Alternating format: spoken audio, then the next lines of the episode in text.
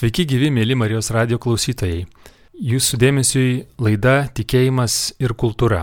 Mano vardas Rimas Macevičius, o šiandien laidoje man malonu pristatyti laidos viešnę Dovilę Sabaliauskinę, kuri tapo ikonas. Yra viena iš tų, kuri Lietuvoje tapo ikonas. Apie ikonų tapimą šioje laidoje ir pasikalbėsime. Labadiena, ponė Dovilė. Labadiena.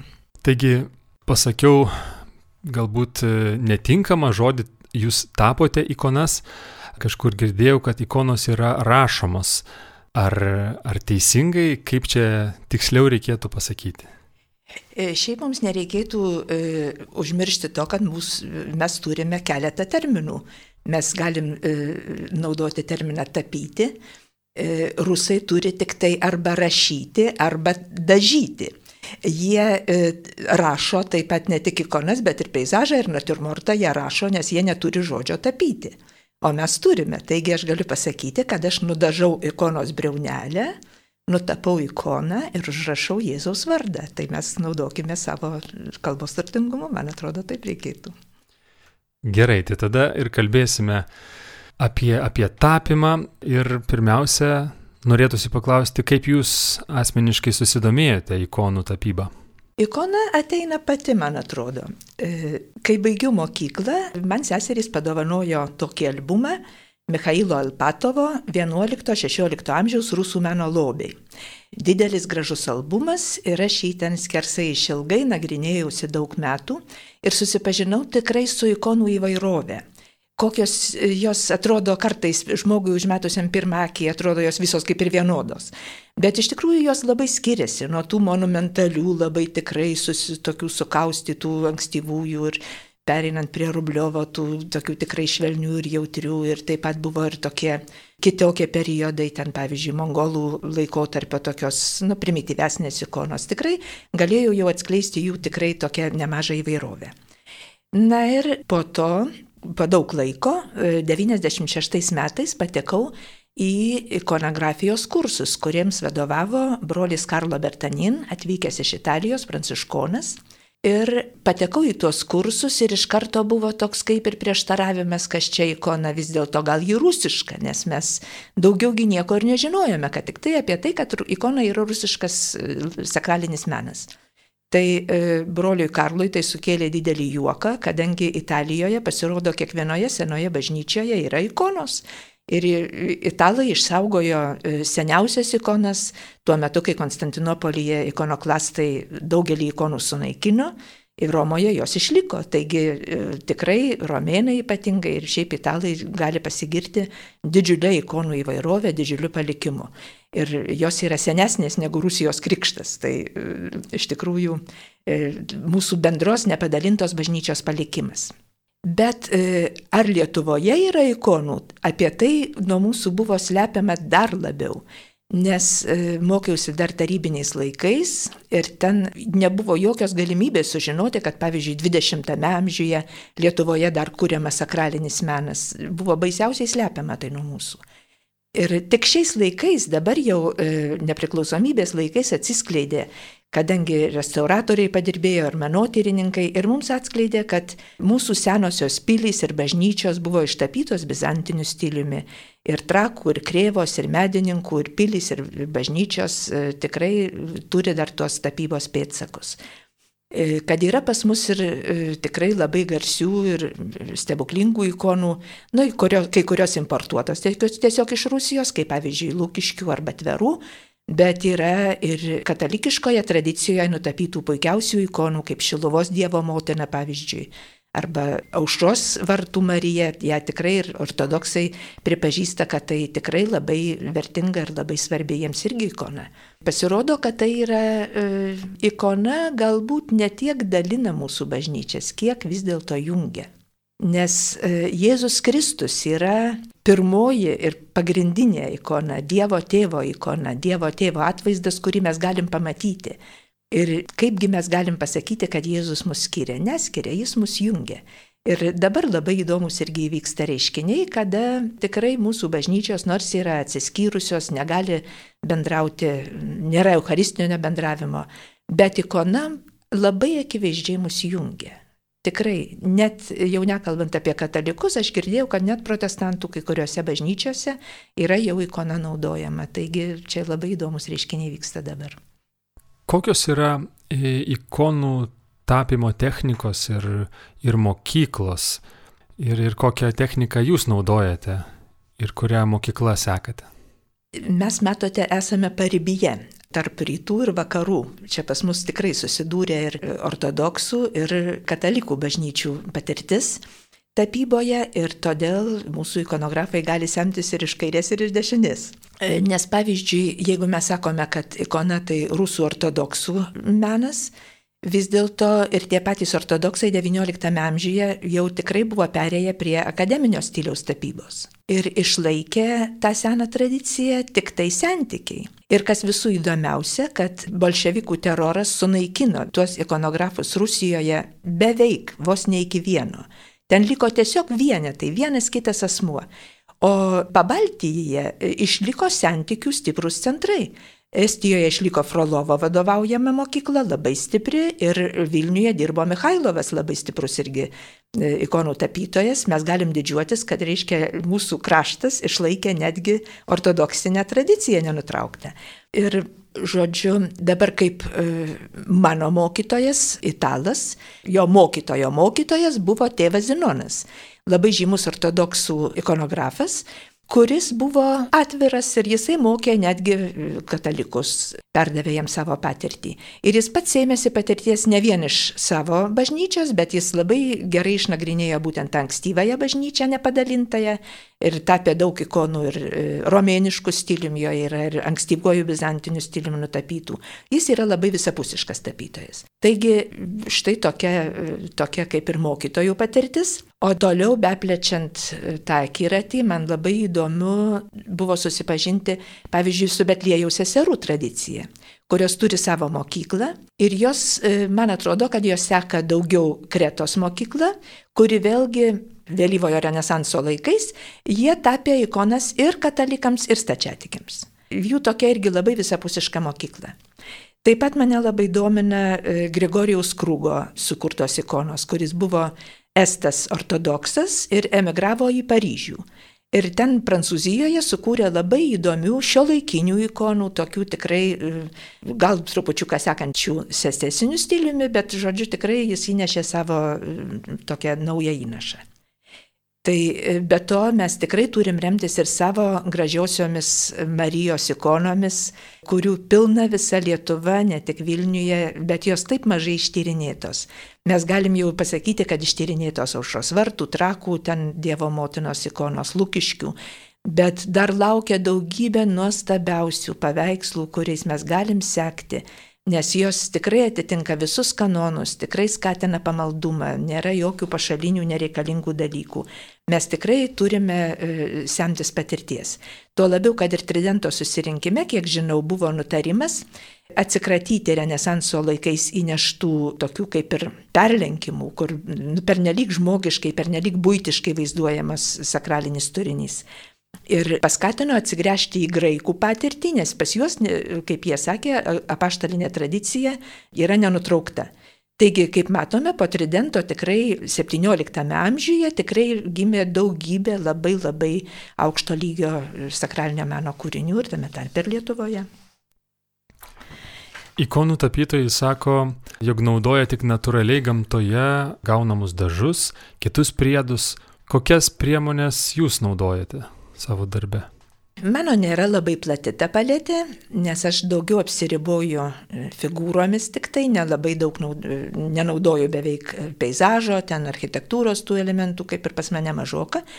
Taigi naudojuosi daugiausiai ochromis, tai yra moliai e, įvairių spalvų, e, papildomai ten viena kita mėlyna, žalia, ten juoda ar balta, tai mano paletė galima sakyti vos ne kaip romanikos tapybos. Bet e, žinoma, kad e, rusų ikonografai naudoja daug siužetų, kur tikrai daug peizažo ir panašiai, daug, daug atspalvių ir naudoja e, tikrai trina tikrus akmenis. Tikrai akmuo turi savo kristalinę struktūrą, kuri yra jau tam tikra gyvybės forma pradinė. Ir ta kristalinė struktūra jinai ne, nedingsta sutrynus akmenį.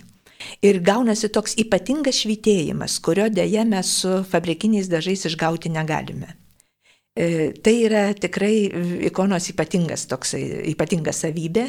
Deja, man tai yra nu, sunku, kad iki šiol dirbau dar ir kitą darbą, ne tik ikonografiją, Tai reikalauja daug laiko, daug jėgų ir pastangų. Sutrinti akmenį į smulkius tikrai pudros pavydalo miltelius tai yra ne juokas. Ir ikonografai naudodavosi pagalbininkais, pameistrais iš tikrųjų daugelis. Antra vertus, tas e, akmenų trynimas, suprantu, kad tikrai e, sukelia ir pačiam ikonografui tikrai veda į didelį gilų susikaupimą. Kol tu sutrinsi tą akmenį, tai tikrai yra laiko susikaupti ir apmastyti. Tai tai yra tikrai labai geras dalykas, bet na, reikia dar pasistengti. Mėly Marijos radio klausytojai, šioje laidoje kalbame apie ikonų tapybą ir svečiuose studijoje ikonų tapytoja Dovilė Saboliauskinė. E, pone Dovilė, koks buvo jūsų pirmasis darbas, pirmoji ikona, kurią nutapėte ir kodėl pasirinkote ją tapyti, būtent ją? Pirmąją ikoną tapiau vadovaujama mokytojo, tai buvo Jėzaus Kristaus ikona, nes ji yra visų ikonų pirmavaizdis. E, šventieji tapomi pabrėžiant jų panašumą į Jėzų Kristų. Ir iš tikrųjų pradedame nuo Jėzaus Kristaus ikonos ir tik tai žymiai vėliau, na, iš pradžių žinoma, mes mokomės kopijuodami, kopijuodami ir vieną, ir Jėzaus Kristaus, ir Marijos ikoną, arba ten angelų, ir, ir paskui jau tik tai pereiname prie savarankiško darbo. Tai mano pirmas savarankiškas darbas buvo mažo Jėzaus Kristaus ikona, mažiuko vaiko dar vadinama Emanuelio ikona. Nes dirbau su vaikais ir man buvo labai svarbu parodyti jiems Jėzų ir kaip vaiką. O paminėjot šventuosius ikonose ir jūs taip pat tapote šventuosius. Kodėl susidomėjote būtent šventųjų atvaizdų tapybą? E, taigi, kaip sakiau, keletą metų tiesiog mokiausi kopijuodama ir paskui tiesiog man labai skaudėjo širdį dėl to, kad lietuviai per mažai myli šventuosius. Nes visą laiką kalbama, kad mes turim tik tai vieną tą šventąjį Kazimirą. Na, iš tikrųjų, man labai būdavo keista klausyti, net ir iš oficialių šaltinių, kai mesgi tikrai žinome, kad pas mus Vilniuje gimė ir gyveno Rapolas Kalinauskas. Ir Krokuvoje ilsisi kunigaikščio mūsų sūnus Mykolas Gedraitis, palaimintasis. Ir e, Faustina atvažiavo į Vilnių atlikti savo tikrai misijos, savo užduoties ir taip toliau. Ir, jeigu, ir žodžiu, man buvo labai nesuprantama, kodėl šie asmenys kaip ir neminimi, nelaikomi šventaisiais. Pavyzdžiui, važiavau į Krokuvą į ekskursiją ir ten Mykolo Šventojo, Mykolo Gedraičio nežino net ekskursijų vadovai. Tai tikrai pasiryžau, kad kiek jėgos leis, jeigu turėsiu tik tai galimybių, jeigu pavyks, tai tikrai stengsiuosi kiek galima daugiau skirti Lietuvo šventiesiems. Na ir vis dėlto, be gyvenant, keletą tikrai pasisekė šitų dalykų padaryti. Tačiau pagal tradiciją ikonos e, nėra kūriamos, o tik pertopami seni siužetai. Tačiau tapant e, naujus šventuosius, kaip pavyzdžiui palaimintasis Teofilius Matuljonis, nesenai paskelbtas palaimintoju, jūs jį taip pat tapėte, taigi sekti tomis e, senomis tradicijomis nėra įmanoma, kaip tada elgėtės, kur semėtės įkvėpimo. Čia klausimas būtų apie kanoną. Kas yra tas kanonas? Kanonas yra tokios taisyklės, kurias galima išsakyti žodžiais. Kanonas ir stilius tai nėra tas pats. Kanonas e, tai yra apibūdina tą asmenį, pavyzdžiui, kokią vietą jis užima bažnyčioje. Ar jis vyskupas, ar jis vienuolis, ar jis pasaulietis. Ir tai turi išreikšti jo rūbai, jo atributai, ką jis laiko rankoje, į ką rodo ar panašiai. Taigi šitie dalykai turi atitikti teisybę. Jie, e, ikona neturi būti melaginga. Taigi mes ir turim laikytis šitos, šitų kanonų.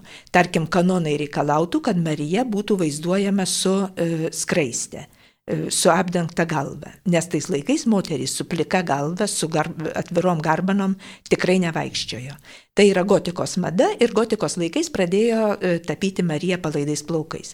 Taigi toks jau Marijos atvaizdas būtų nekanoninis.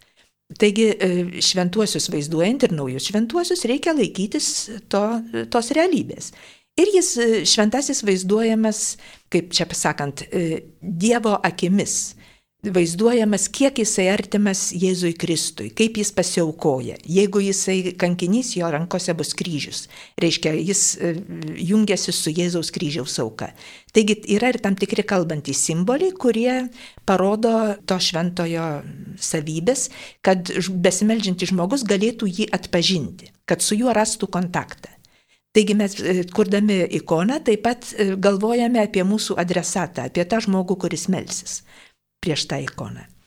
Bet e, naujų šventųjų ikonų kūrimas yra didelis iššūkis taip pat ir ortodoksų bažnyčiai. Kada žmogus yra vaizduojamas liturginiais rūbais kaip kunigas arba savo taip pat pašventintais rūbais kaip vienuolis, aišku, Bet pasauliečius kaip vaizduoti, dabar iš tikrųjų yra jų kariškių, pavyzdžiui, šventųjų, yra e, tikrai, čia tikrai mums didelis uždavinys, mes turim sukti galvą, kaip tai pavaizduoti, kaip pavaizduoti to žmogaus tikrai tą vidinį artimumą Kristui. Ir čia galbūt tada reikėtų tikrai daugiau skelb, kreipti dėmesio gal ne tiek į atributą, bet į tą maldos artumą, melstis, prašyti to šventojo užtarimo. Ir tikrai šventieji nori su mumis bendrauti, jie atsako maldoje, jie atsiliepia. Jie tiesiog parodo kelią vienai per kitaip, mūsų širdžiai atveda mus į e, būdą kažkokį, kaip pavaizduoti tą šventąjį. Taip kad e, iš tikrųjų čia darbas su iššūkiu.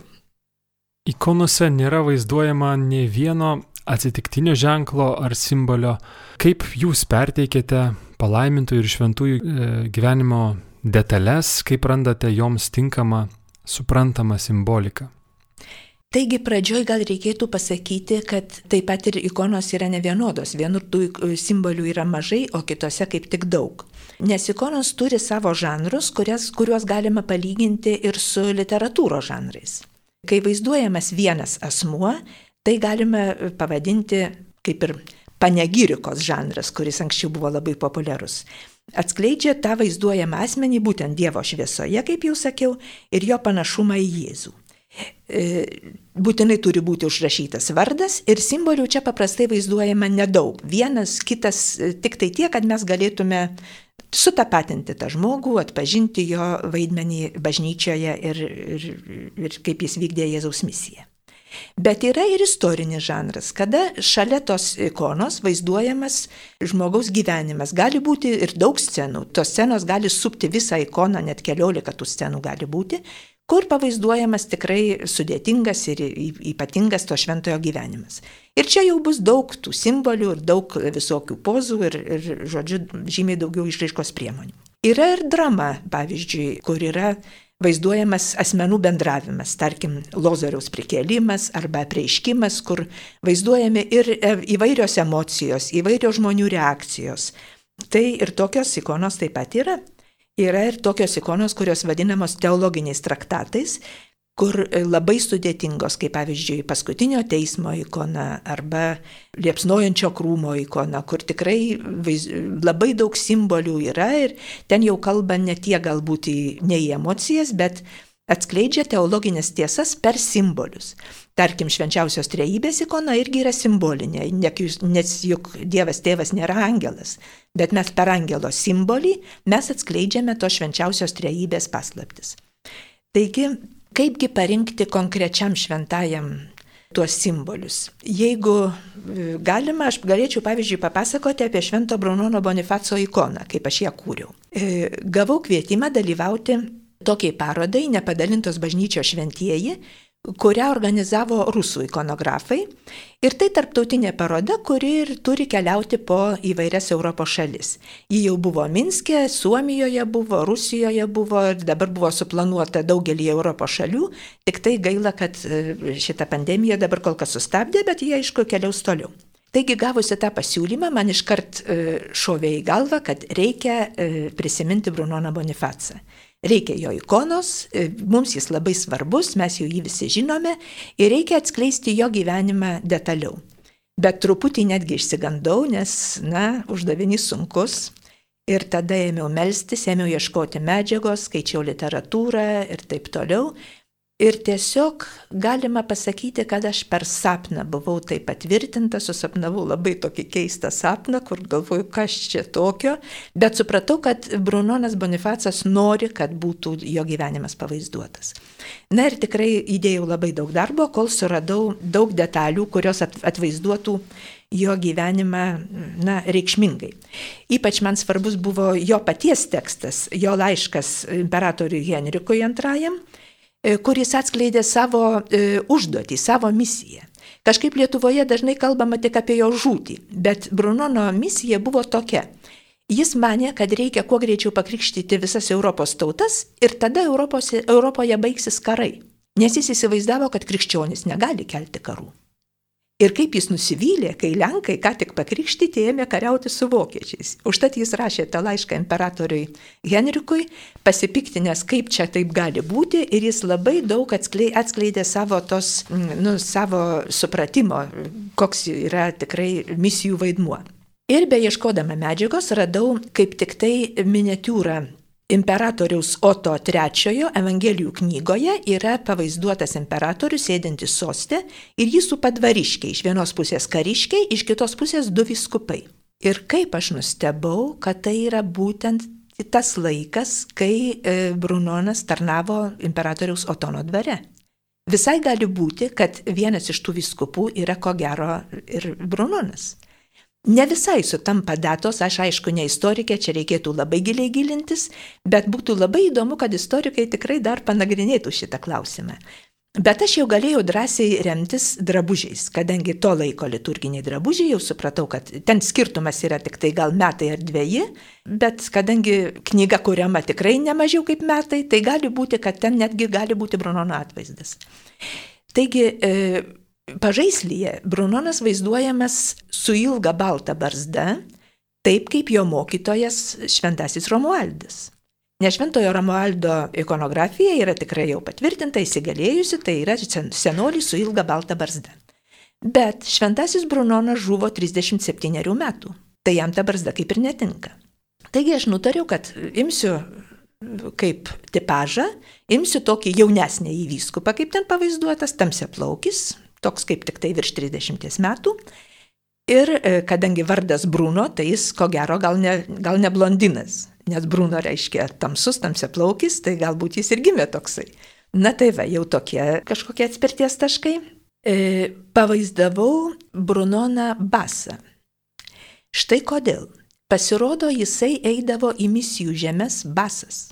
Jis keliaudavo visą kelią Ir netgi pasakojama, kad kai jis keliavo per Alpes, jo pėdos prišalo prie balnakilpių. Ir palydovai turėjo pilti karštą vandenį, kad atšildytų tas jo kojas. Jis buvo užgrūdintas Šventojo Romualdo mokykloje, didis asketas.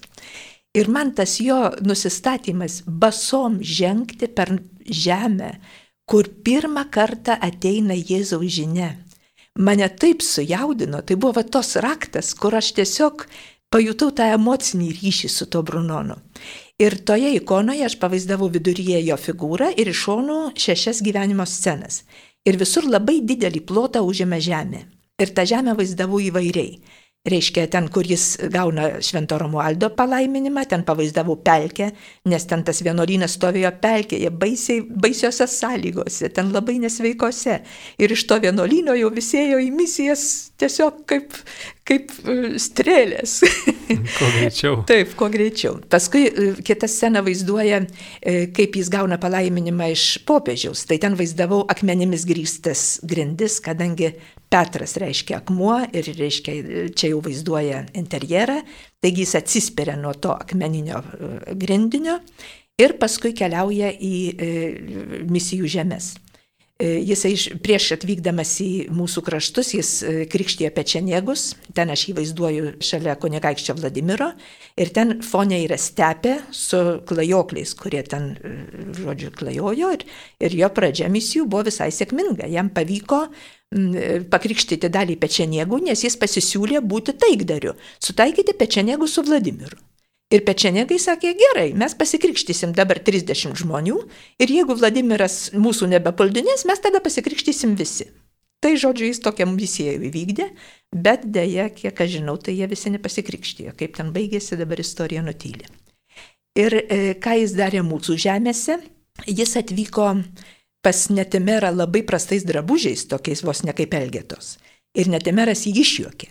Tada jis atvyko pas jį jau vyskupo rūbais ir žengė su tais vyskupo rūbais e, į ugnies išbandymą. Jisai ugnyje tarp dviejų laužų e, prabuvo, kol jo palydovai sugėdojo kažkiek ten psalmių, nebeprisimenu. Ir žodžiu, jo tie vyskupo rūbai neužsidegė. Tai aš šitą sceną vaizduoju ir paskui jau vaizduoju netemero krikštą, kur vaizduojama jau jis įbridęs į vandenį. E, mūsų žemių vandenyse jis krikštė pirmuosius baltų vadus. Ir ant mūsų žemės jisai išlieja ir savo kraują, reiškia jo žūties sceną. Taigi e, tokiu būdu, reiškia, aš rinkausi tuos simbolius ir scenas, galvodama apie tai, kad mes turėtume geriau pažinti šventuosius, kurie mums yra svarbus, kurie pirmieji nešė taikiu būdu Kristaus žinia į Lietuvą. Taigi galime sakyti, kad tai yra jau istorinė ikona. Iš tiesų, kiek daug e, tyrimo reikalauja domėjimosi ir, ir pažinimo to šventojo, kurį jūs tapote ir nupasakojat tą gyvenimą, pagrindinius akcentus, scenas. E, ar yra klausimas jums e, tapant, kaip elgtis dėl tų simbolių ar ikonose, kad ikonose jų nebūtų per daug, nebūtų perkrauta, bet taip pat būtų informatyvu, kaip paprastai ikonose būna ir kaip jūs sprendžiate šitą dilemą, jeigu jums įkyla. Taigi e, šiaip ikonose, kad jeigu ikona skirta būtent maldai, jeigu tai ne istorinė ikona, bet būtent maldai skirta, e, tai, kaip sakiau, neturėtų būti tų simbolių daug. Vienas ant kitas, kad e, neblaškytų mūsų minčių per daug kad simboliai kalbėtų mums ir skatintų mūsų bendravimą su tuo šventuoju. Jeigu tai kankinys, jo rankose bus kryžius. Jeigu tai vyskupas, jo rankoje bus Evangelija. Gali būti Evangelija atversta, gali būti užversta. Jeigu atve, Evangeliją atvers, atversime, mes ten galim įrašyti citatą, kuri atskleistų to e, šventojo e, būtent pasiryžimus. Tarkim, jeigu aš tapyčiau Jurgį Matulaitį, jeigu ta Evangelija būtų atversta, tikriausiai užrašyčiau nugalėk blogį gerumu, nes žinomas jo šitas šūkis, kuris pasirinko savo herbui. Taigi, e, žodžiu, tai turi būti kalbantis tokie ženklai. Bet jų neturi būti labai daug perkrauta. Paminėjote ikoną maldai arba istorinį ikoną. Ko reikia, kad prie nutapytos ikonos galėtume melstis, o ne tik į ją pasižiūrėti? Reikia melstis. Reikia ir ikonografui melstis visų pirma.